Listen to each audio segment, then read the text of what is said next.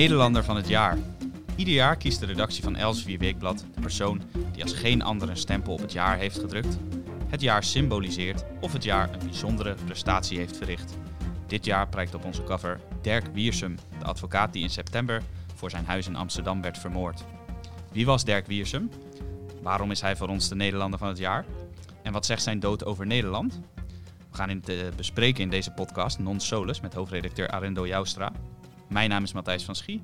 Welkom bij een nieuwe podcast van Els Weekblad. Arendo, welkom. Dag Matthijs. Waarom is Dirk Wiersum gekozen als Nederlander van het jaar? Nou, precies omdat jij, wat je zegt, hij symboliseert eigenlijk 2019. Het jaar stond een beetje een teken van de ondermijning door de drugscriminaliteit. En uh, dit had nog niet meegemaakt. Hij is uh, advocaat uh, van de kroongetuigen tegen de meest gezochte drugscrimineel van Nederland. En, dat is wel een nieuwe grens die is overschreden. Dus we vonden het eigenlijk wel mooi, als je het woord kan gebruiken, om hem te benoemen, het uit te verkiezen tot Nederland van het jaar. Omdat hij eigenlijk symboliseert de strijd tegen de drugscriminaliteit.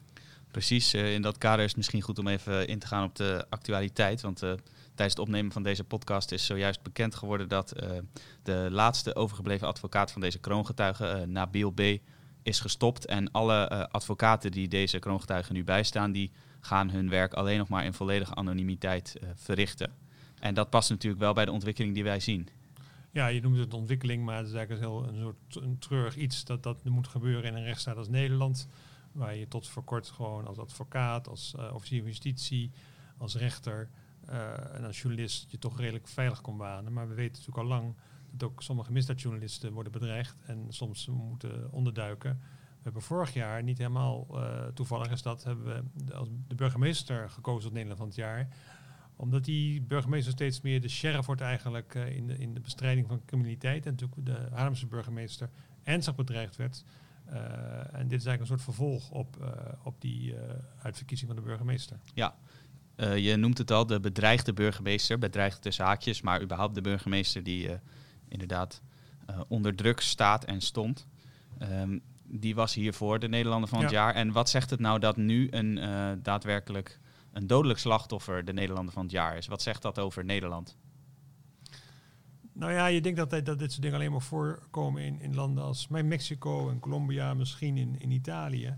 En, uh, en dat is natuurlijk, uh, ja, in snel tempo is dat aan het veranderen. Er wordt ook al uh, tijden tegen gewaarschuwd dat er zoveel geld omgaat in de drugscriminaliteit, dat dat A, doorsiepelt in, in, in de bovenwereld, enorm een, een, een, ander speelveld creëert eigenlijk. Eén ding te noemen, dat de huizenprijzen stijgen enorm, onder andere de lage rente natuurlijk. Maar ook doordat er criminelen zijn met heel veel geld die makkelijk allerlei huizen kunnen kopen, wat met je natuurlijk voor prijsopdrijving zorgt. Ook op andere manieren siepelt het door in de, boven, in de bovenwereld. Uh, sommige advocaten krijgen betaald met dat geld, met dat zwarte geld. Um, dus dat is een enorme bedreiging. Bovendien merk je ook dat ze zoveel geld hebben dat ze soms douanebeambten kunnen omkopen. Mensen die bij de Rotterdamse haven werken, soms in de gevangenis. Uh, soms ook gemeenteambtenaren. Nou ja, en als dat gaat gebeuren, dat is natuurlijk uh, niet goed voor een samenleving die altijd als voor de, volgens de regels gaat. En niet dat mensen met geld, in dit, in dit geval crimineel geld, uh, het woord zeggen hebben. Ja, jij noemt in jouw stuk in het weekblad ook twee ontwikkelingen die hier grote invloed op hebben. De, de eerste is het gedoogbeleid in Nederland en de tweede is het drugsgebruik van gewone Nederlanders. Ja, dat is een goed punt van je, Matthijs. Want het is natuurlijk niet zo dat de uh, overheid helemaal zonder schuld is. We hebben natuurlijk jarenlang hebben we drugs gedoogd. Uh, uh, we, hebben, we, accepteren gewoon dat er coffeeshops zijn. We accepteren dat daar jongelui binnenkomen in de pauze van hun school. Ehm, ja, dat is natuurlijk geen handig beleid geweest, want dat ga je een beetje normaliseren. En drugs zijn niet normaal, moeten we ook niet normaal gaan vinden. dus dat is een verkeerde uitstraling geweest van de overheid. En die, die, die zit nu met de gebakken peren, zoals het heet. Iets anders is, wat je precies zei, is veel wezenlijker is dat je natuurlijk als drugsgebruiker, gebruiker van drugs, ook toch mede verantwoordelijk bent voor wat er gebeurt. Uh, en de liquidaties, maar ook de ondermijning. Uh, je kan het een beetje vergelijken met als je, er is natuurlijk een hele actie geweest, dat je geen kleding moet kopen die gemaakt is door kinderhandjes in Bangladesh. En die kinderen werden uitgebuit, uitgebuit stierven uh, vroegtijdig. En dat werd een enorme campagne waarin terecht werd gezegd, je moet die kleding niet kopen. En winkels gingen ze er ook aan houden. Maar met het gebruiken van drugs, niet alleen hashish, maar ook gewoon de zware drugs. Um, ja, hou je deze industrie in stand en ben je dus in die zin mede verantwoordelijk.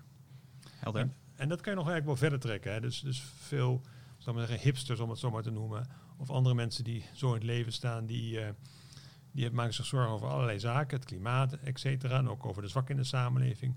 Maar drugs is nou typisch iets wat daarmee te maken heeft. Een soort blinde vlek eigenlijk. Het is een blinde vlek, want als je nou gewoon de feiten geeft, dan weet je dat alleen maar de teelt van hashish in Nederland uh, kost evenveel stroom als een stad als Den Haag in een heel jaar verbruikt.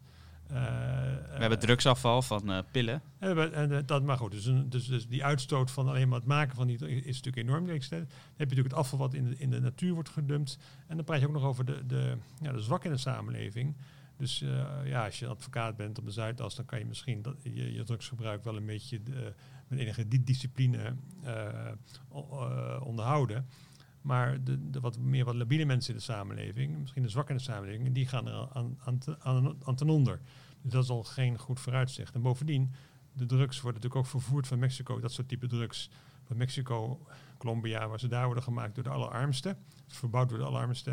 En vervolgens vervoerd met sommige couriers, met muilezels, hoe heten ze. En die worden dan vervoerd met vliegtuigen en allerlei lichaamsholten. Dat zijn natuurlijk ook niet de mensen die, die, uh, die rijk zijn. Nee, de mensen die rijk zijn en rijk van worden, die zitten veilig. Maar we gebruiken wel de zwak, in de samenleving. Dus als je enig hart hebt voor uh, humaniteit, barmhartigheid... en je altijd inzet voor de zwak in de samenleving... zou je toch ook hier aan moeten denken als je het weekend weer een snuifje neemt. Duidelijk. Uh, wie ook veel hart en humaniteit had voor de samenleving... voor zover wij dat kunnen opmaken uit het verhaal... was natuurlijk Dirk Wiersum zelf... Ja. Gerlof Leijstra, onze misdaadverslaggever, heeft hem geportretteerd... heeft gesproken met nabestaanden, met oud-collega's... De meeste van hen wilden anoniem een verhaal doen, maar uh, we hebben ook een hoop wel, zijn we over hem te weten gekomen. Wat voor een persoon, wat voor een man was hij? Ja, hij was natuurlijk wel een strafadvocaat en die, die zijn in deze wereld om, om dat iedereen recht heeft, ook de grootste misdadiger, om uit de gevangenis te blijven. Uh, maar in dit geval verdedigde hij een kroongetuige tegen de grootste misdadiger die we nu hebben rondlopen, vrij rondlopen. Maar bovendien, in de weinige vrije tijd die hij had, hij was ook vader van twee kinderen en echtgenoot. Maar in de weinige vrijheid die hij had, uh, gebruikte hij ook om, om mensen te beschermen tegen uitlevering in andere landen. En stond hij ook doodveroordeeld bij, niet in Nederland uiteraard, maar doodveroordeeld bij in verre landen. Dus hij had ook een soort, soort, soort sociaal hart. Hij was niet alleen maar bezig met uh, snel geld verdienen, maar had ook nog een sociaal hart. En, en ja, dat is typisch iets voor, voor, voor, voor een advocaat. Uh, maar dat deed hij wel. Ja, een uh, man met een groot hart voor rechtvaardigheid, voor de rechtsstaat. En over de rechtsstaat gesproken, er zijn ook veel uh, collega-advocaten die wij hebben gesproken, die hier ook erg van zijn geschrokken en die duidelijk in angst hun werk doen tegenwoordig. Ja. Nou, dat zie je natuurlijk wel. als het in je eigen beroepsgroep gebeurt, dan schrik je natuurlijk veel meer dan als het een beetje op afstand is. Dat geldt ook voor journalisten. Als, als je weet dat een journalist voortdurend beschermd moet worden. Maar je zag ook uh, bij, op 18 september, toen hij werd vermoord, dat rechters, advocaten, officieren van justitie. Uh, nou, minister Grapperhaus natuurlijk. Minister Grapperhaus ook nog voorop, die toch geëmotioneerd op televisie kwam om te zeggen dat dit toch wel uh, een nieuwe grens was overschreden. Um, en dat, is, dat is ook altijd veel, ja, dat gebeurt ook altijd in je eigen beroepsgroep gebeurt. Maar het is ook wel een absolute grens die is overschreden, want ja, misdaad heeft altijd bestaan. Maar uh, ja, in dat hele proces wat dan volgt, uh, gedraag je je. Uh, maar goed, dat is aan deze jongen niet, kan je dat niet zeggen dat hij dat doet. Nou hebben we natuurlijk ook nog de, ja, de nasleep, hebben we het net over gehad. Maar wa wat moet er nou gebeuren in Nederland? Is een heel moeilijke vraag natuurlijk. Maar wat moet er gebeuren vanuit de politiek en ook vanuit de samenleving om ervoor te zorgen dat deze moord op Dirk Wiersum een, keerpunt was en niet het begin van een langere reeks van trieste gebeurtenissen. Nee, ik noem het inderdaad een keerpunt om, omdat je mag hopen dat er een soort mentaliteitsverandering teweeg wordt gebracht. het gekke is, er wordt natuurlijk gepraat voor legalisering van, van softdrugs. Dat lijkt dan een oplossing, omdat je dan uit de criminaliteit haalt. Maar dat is natuurlijk niet zo, want er zijn geen eilanden in Nederland. En als je dat doet, dan komt alle buurlanden komen naar ons toe. je ziet trouwens ook in, in Californië bijvoorbeeld, waar, waar het ook tussen aangestekens legaal is. daar worden toch weer velden ontdekt met enorm veel uh, met, uh, met, met uh, hashis die dan weer een hogere TH-waarde hebben. THC. THC-waarde hebben. Um, want die dan nu weer niet verkocht mag worden. Dus ja, bovendien gaat er zoveel geld om, omdat die markt voor de criminaliteit wel, wel zal blijven bestaan. Maar je hoopt op, op een mentaliteitsverandering. En dat, heeft dus, dat, dat begint ook ja, de, je moet dus niet alleen maar kijken naar, naar de overheid, want dat doen we natuurlijk al makkelijk in Nederland. De overheid is een soort vader en moeder tegelijk. En als dat misgaat of moet gebeuren, vragen we aan de overheid. Maar je hebt natuurlijk als burger ook een eigen verantwoordelijkheid, daar hebben we het net over gehad.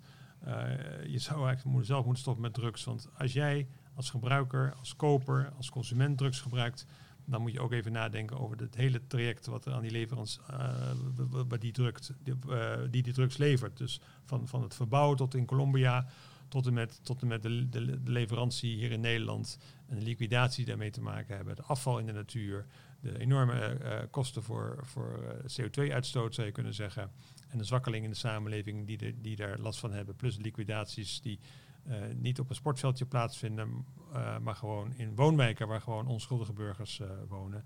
Dus, dus je moet toch echt beseffen dat je daar mede voor verantwoordelijk bent. Nou, genoeg reden om inderdaad te hopen dat burgers zich wat bewuster gaan worden over de schade die drugsgebruik aanricht. En dat kan ook, hè, want we, we hebben natuurlijk vroeger stond bij, bij, in, in, in, in, in, bij visite stond altijd sigaretten op tafel, en, en, en, en toen ik in de journalistiek kwam, uh, rolde het elke la een fles whisky. En ook over alcohol en, en sigaretten zijn we toch anders gaan denken dan, dan voorheen. Dus het is mogelijk om dit soort terreinen een andere mentaliteit uh, te, te, werk, te, te werkstellen, te, teweeg te brengen. Duidelijk, Arendo. Hartelijk dank voor deze uitleg. En uh, laten we inderdaad hopen dat er iets ten goede verandert. Uh, opdat Dirk Wiersum niet voor niets is gestorven. Wilt u nou het volledige verhaal lezen over Dirk Wiersum, de Nederlander van het jaar? Leest u dan Elsevier Weekblad. En uh, wilt u zich nou abonneren op deze podcast of op onze andere podcastseries? Ga dan naar www.elsevierweekblad.nl slash podcast. Of abonneer u via iTunes, Spotify of op YouTube op Elsevier Weekblad. Mijn naam is Matthijs van Schie en ik dank u hartelijk voor het luisteren. Tot de volgende keer. thank you